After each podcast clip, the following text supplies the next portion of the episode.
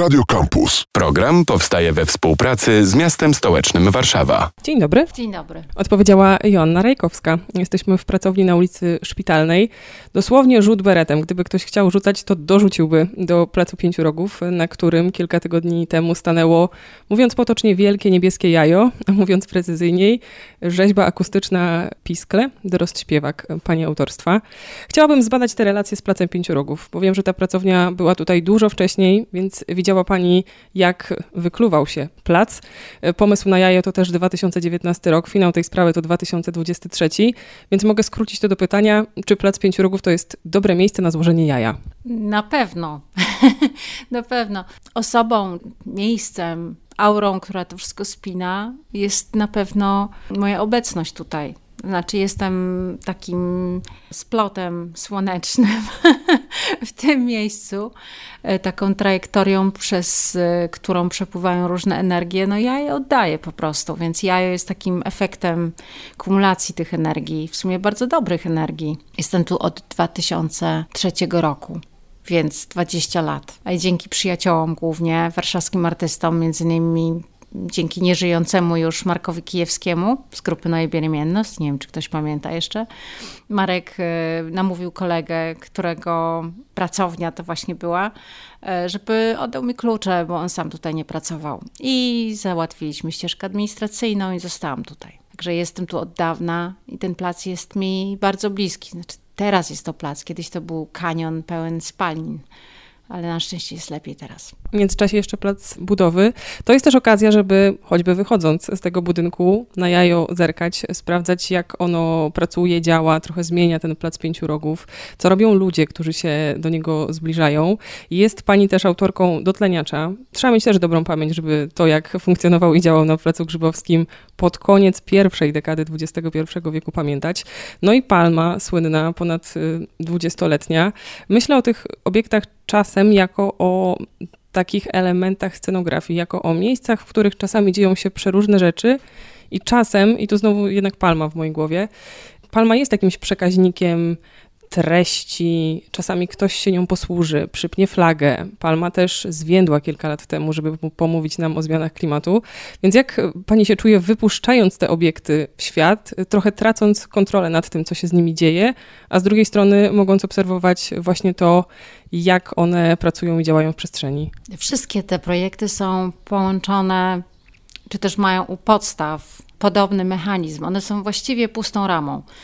Ta rama oczywiście ma swoją, swój wzór, swój pierwszy komentarz. Mają, są ukorzenione bardzo mocno w miejscach, w których powstają, ale generalnie to ludzie, którzy używają tych projektów, bo to są, to jest scenografia, tak jak pani powiedziała, jak najbardziej miejska scenografia, bardzo teatralna często, która kreuje scenę, ale są to również w pewnym sensie przedmioty do używania, do życia, które sprawiają, że nasze życie woby, wokół nich i w ich polu rażenia, przynajmniej wizualnym polu, polu rażenia, jest y, nieco inne.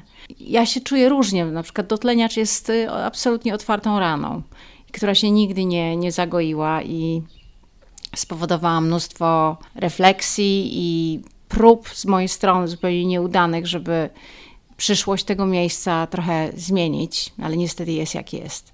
Ale Palma poradziła sobie, może tak. I Jajo, jak z tego co widzę, jest y, miejscem takiej szczególnej wrażliwości. Tam ten suwak w naszym spektrum wrażliwości działa gdzieś y, w tych rejestrach bardzo delikatnych, powiedzmy, gdzie trzeba rzeczywiście przymknąć oczy, nachylić się, zmienić postawę ciała, zacząć nasłuchiwać, więc człowiek w pewnym sensie wychodzi z siebie, przestaje się zajmować wreszcie własną strefą komfortu, jak to się pięknie mówi teraz, i zaczyna dostrzegać, też słyszeć inne byty. Wydaje mi się, że z tą strefą komfortu w przypadku jaja to jest naprawdę znaczące. To znaczy, uważam, że taki gest publicznego przytulenia się do dużego jaja w centrum Warszawy to jest jakiś rodzaj na pewno wyjścia ze strefy komfortu, może jakiegoś może małej odwagi? Myślę, że nawet nie o to chodzi. Chociaż na pewno pani ma rację, ale ja nie jestem w stanie wytrzymać tego poziomu żądań wobec i wokół własnego komfortu, jaki ludzie w tej chwili egzekwują. To jest e, naprawdę zdumiewające, że potrafimy do tego stopnia dbać o to, żeby było nam dobrze i do tego stopnia nie dbać, żeby było innym dobrze. A ci inni naszych czasów to są dokładnie zwierzęta. Widzę w Pani ostatnich projektach, że rzeczywiście ta natura jest takim tematem, który podejmuje Pani chętnie. Jajo warszawskie, jajo londyńskie, Rizopolis, sama Palma, też do niej można dopisać wiele, dotleniacz, wiadomo, też w kontakcie miasto-natura. Czy to już tak będzie? O tak, czy to jest rzeczywiście ten temat, który Panią najbardziej zajmuje? On zawsze mnie zajmował. Mnie interesuje ten splot, bliskość historii ludzkiej i historii nieludzkiej teraźniejszości ludzkiej i nieludzkiej. Znaczy tak, jak, to jak zwierzęta są świadkami naszej historii i jak my świadkujemy ich historią, wielu historiom. Jesteśmy tak naprawdę jednym wielkim ekosystemem. Nie da się tego wszystkiego rozdzielić. Natomiast w naszych głowach ten rozdział jest y, przepastny, powiedzmy. Mnie interesuje to, gdzie możemy obserwować siebie nawzajem, możemy być razem. Ta bliskość, Taka cudowna bliskość. Stąd już teraz rozumiem, jakby przytulenie, przyłożenie ucha do tego, żeby posłuchać choćby jak brzmi, jak gra jajo. Ale wrócę jeszcze do któregoś z poprzednich pytań. Czy pani jakoś projektuje sobie w głowie te scenariusze, co się z y, obiektami będzie działo? Na przykład, co będzie z jajem? Czy ktoś go oklei czymś na przykład? Tak, to akurat wzięliśmy pod uwagę. Znaczy, scenariuszy nie snuję i nigdy tego nie robiłam. po prostu jestem absolutnie skoncentrowana na tym, żeby, żeby ono powstało, żeby wyglądało może nie dokładnie, ale mniej więcej tak, jak sobie to wyobraziłam, żeby miało taką intensywność koloru, taką geometrię powierzchni. Potem przychodzą wszystkie względy praktyczne. Wbrew pozorom spędzamy nad tym bardzo dużo czasu. To jest właściwie, powiedziałabym, 50% czasu pracy nad takimi obiektami to jest ich bezpieczeństwo.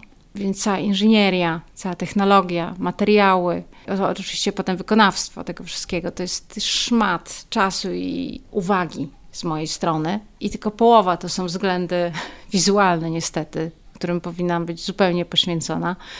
Ale, ale nie mogę sobie na to pozwolić. To, jak będzie działało w przestrzeni publicznej, to zależy od tego, jak dobrze jest e, zrobione. W wypadku jajka, to akustyka jajka i sprzęt, którym jajko jest nafaszerowane. Sprawia, że ludzie reagują tak, jak reagują. Oczywiście nie mówię o, o rodzaju dźwięków, które jajko wydaje. To jest oczywiście bardzo ważne i e, tutaj walka z mikrofonami, ze sposobami nagrywania tych dźwięków, uwspólniania tego doświadczenia, tego właściwie wzruszenia w momencie obserwacji i właśnie nasłuchiwania klującego się ptaka to było największym wyzwaniem. I moment, w którym e, mój partner i, i też muzyk e, Andrew Dixon e, wziął Blue Tack, czyli taką gumę do rzucia i przyłożył do jajka mikrofon kontaktowy, to nam otworzyło jakby drogi do tego właśnie, do, tych, do tego wzruszenia i do tych reakcji.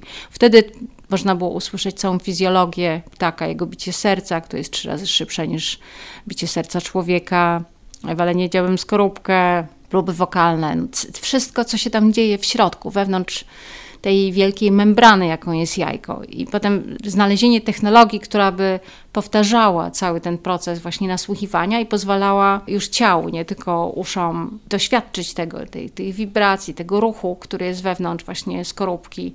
I, i tych konkretnych dźwięków w całym ich spektrum, od basów do wysokich częstotliwości, no to było następne wyzwanie i też technologiczne właściwie. A to jajko podsłuchiwane było droździe? Nie, ja zdecydowałam się zupełnie świadomie, po prostu nie, nie przeszkadzać ptakom dzikim, których znowu tak dużo nie ma.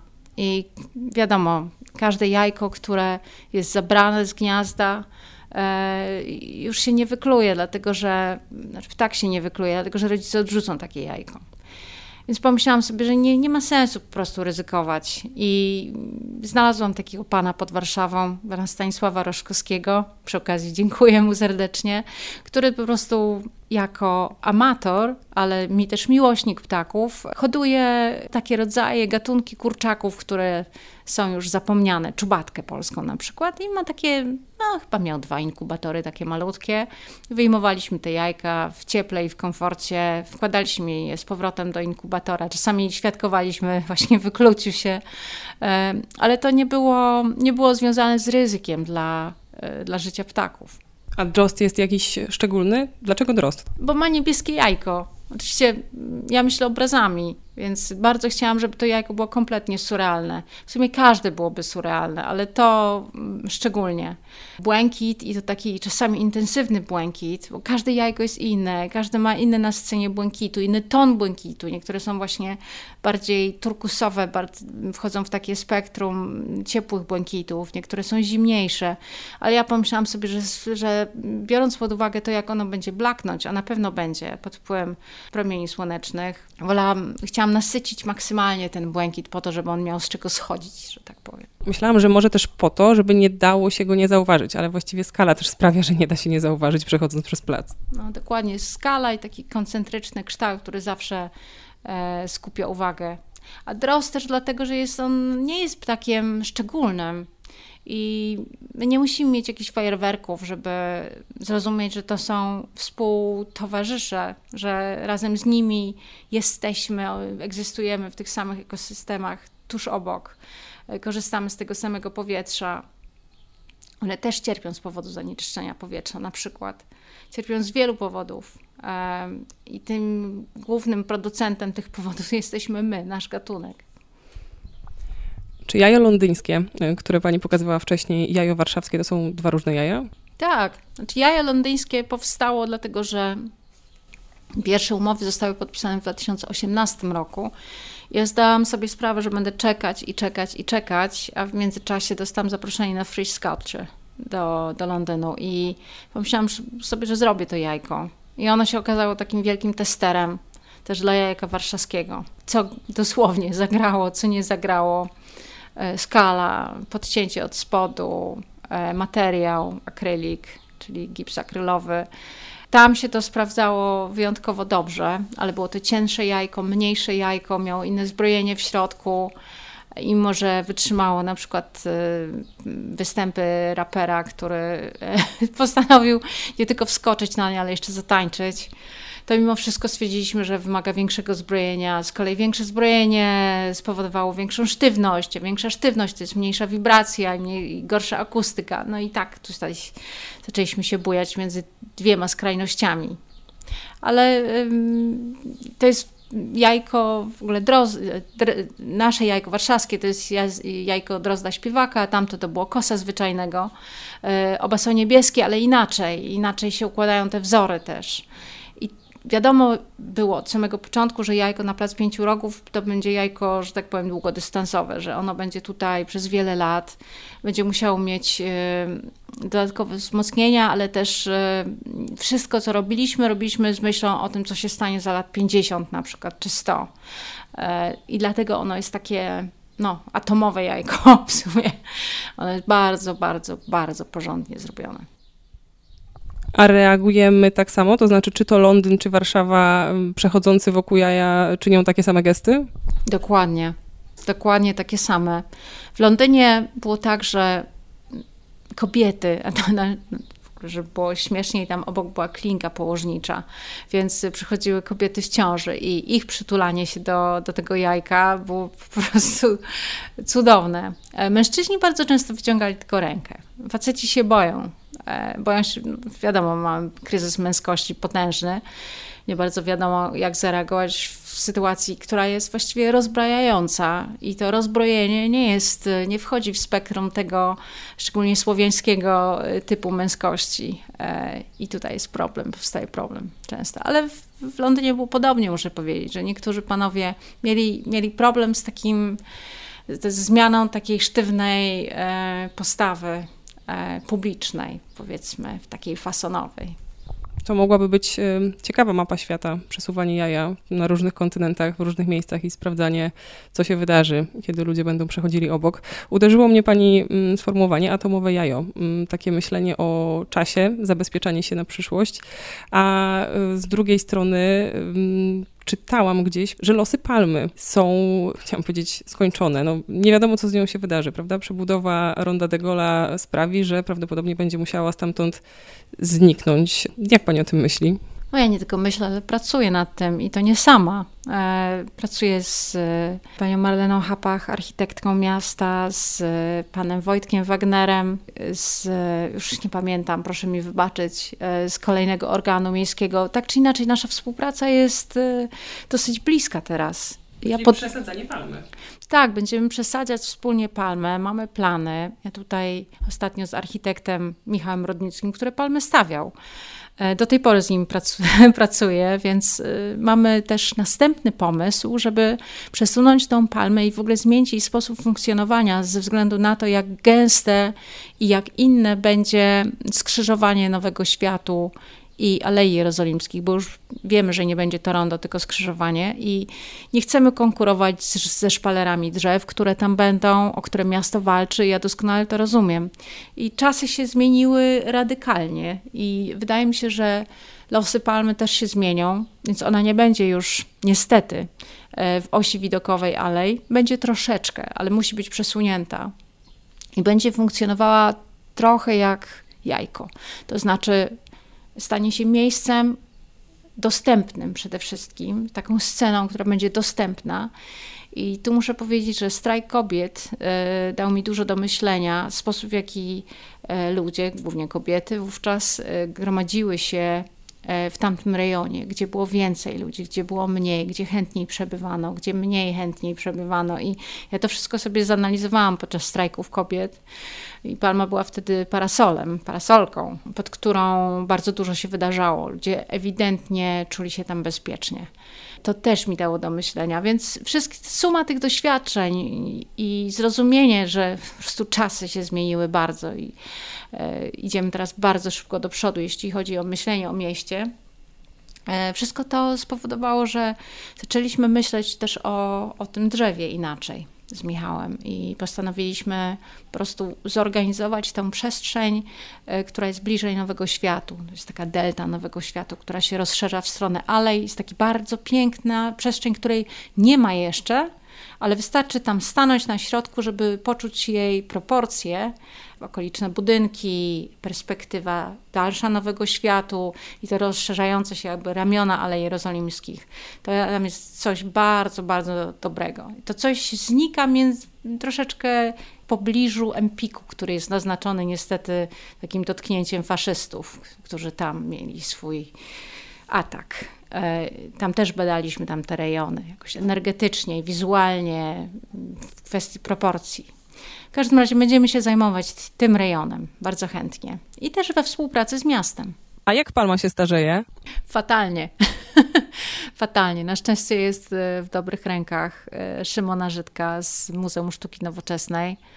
I Szymon z prawdziwą, e, taką długodystansową cierpliwością zajmuje się palmą praktycznie codziennie. Pisząc maile na przykład o tym, że potrzebujemy żywic i jakich żywic, i razem z Politechniką Warszawską e, wymyślają technologie, materiały. Ostatnio Politechnika wymyśliła, że liście następne będą zrobione z włókien, właśnie z tkanin aramidowych. Więc y, ta palma też będzie atomowa, miejmy nadzieję, dzięki Szymonowi i Politechnice. Y, a w Akademii Sztuk Pięknych robimy taki model testowy. Chłopak, który się nazywa Michał Obożeński, z którym też bardzo dużo pracuję, e, robi takiego wielkiego wzorcowego liścia, jednego z tych wszystkich, używając wszystkich tych technologii, które wypracowuje Politechnika. Więc to jest taki dosyć duży i bardzo efektywny trójkąt między Muzeum Sztuki Nowoczesnej, Politechniką Warszawską a Akademią Sztuk Pięknych. Nie jestem w tym sama. Byłam sama przez pierwsze 15 lat. I potem to wszystko zaczęło się powoli zmieniać. I teraz prostu naprawdę jestem tak głęboko wdzięczna tym wszystkim osobom i instytucjom, bo zdjęły ze mnie ten największy e, i najbardziej odpowiedzialny ciężar. Także nie jest źle. Czy tu można tak prosto wnioskować, że nie spodziewała się pani, że ona tak długo będzie stała w centrum Warszawy, czy po prostu takie prozaiczne oddziaływanie warunków zewnętrznych na materiały? To jest po prostu brak funduszy. Dlatego, że Palma y, właściwie nigdy nie była finansowana regularnie dostaje jeden w życiu zastrzyk finansowy w momencie takiej wielkiej renowacji w 2016 roku. Ale to był raz jeden, jedyny i zrobiliśmy co mogliśmy z materiałów, które były wówczas dostępne, bez takiej pomocy fachowej, doradczej, e, technologicznej, jaką Palma ma teraz, dzięki tej współpracy.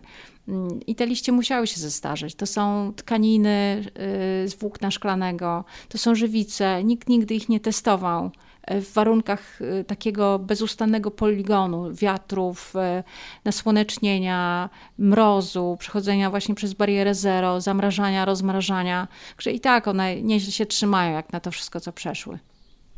Czyli rozumiem, że jej się na co dzień nie dotyka. Oh, nie powinno się dotykać, natomiast... Y, Panowie między powiedzmy 20 a 30 roku życia, 30 e, rokiem życia nie mogą się powstrzymać, żeby po prostu nie obsikać drzewa, e, nie wejść na jakąś tam wysokość, nie zatknąć flagi legi. E, wiadomo, no, testosteron nie do powstrzymania. No i tak jak mówiłam wcześniej, chybiony model męskości. A z drugiej strony ryzyko tworzenia obiektów, które potem żyją w przestrzeniach publicznych ryzyko. To nawet nie jest ryzyko, to jest czysta głupota z ich strony. Z mojej strony bezustanne zmartwienie. Chociażby o Korę, która musi przyjechać ze Stanów, z jakiejś szkółki e, daktylowców, e, która musi prze, przejść przez mnóstwo procedur po drodze, na przykład fumigacji, czyli tępienia całego życia organicznego. Potem musi być pracowicie instalowana. I potem wystarczy jeden gość, który wchodzi na palmę na wysokość powiedzmy 5 metrów, żeby zatknąć szalik i po wszystkim. To są duże obiekty. Ogromna palma, ogromne jajo, takie, które nas y, czasami szokują, jak to palma w środku europejskiego miasta, albo nawet wschodnioeuropejskiego, jak to wielkie jajo na betonowym placu, jakoś nas y, wybijają z y, takich codziennych ścieżek, czy w ogóle jakiegoś codziennego toku myślenia. Czy jest jakieś miejsce w Warszawie, które jeszcze chciałaby Pani w ten sposób zmienić, postawić coś, co nas wytrąci z takiego codziennego ruchu i skłoni do czegoś? I tak czuję się winna, że tyle miejsc, że tak powiem, zajęłam. Symbol pani stworzyła, więc łatwo nie będzie. Ja wiem, ale myślę, że moi znajomi artyści i nieznajomi artyści mm, mieliby pretensje, gdybym się zajmowała następnym miejscem. Z drugiej strony, ja tych obiektów tak znowu wielu nie wyprodukowałam. I to jest tak, że malarz, malarka wstaje i rusza do sztalug. E, ja potrzebuję wielu lat, żeby się doczekać realizacji, produkcji, realizacji, instalacji takich e, obiektów. I one działają jako w gruncie rzeczy miniaturowa interwencja w skali miasta, w skali horyzontu miasta. Ja to widzę zupełnie inaczej, jakby z, nie z pozycji drona, ale z, jednak z góry.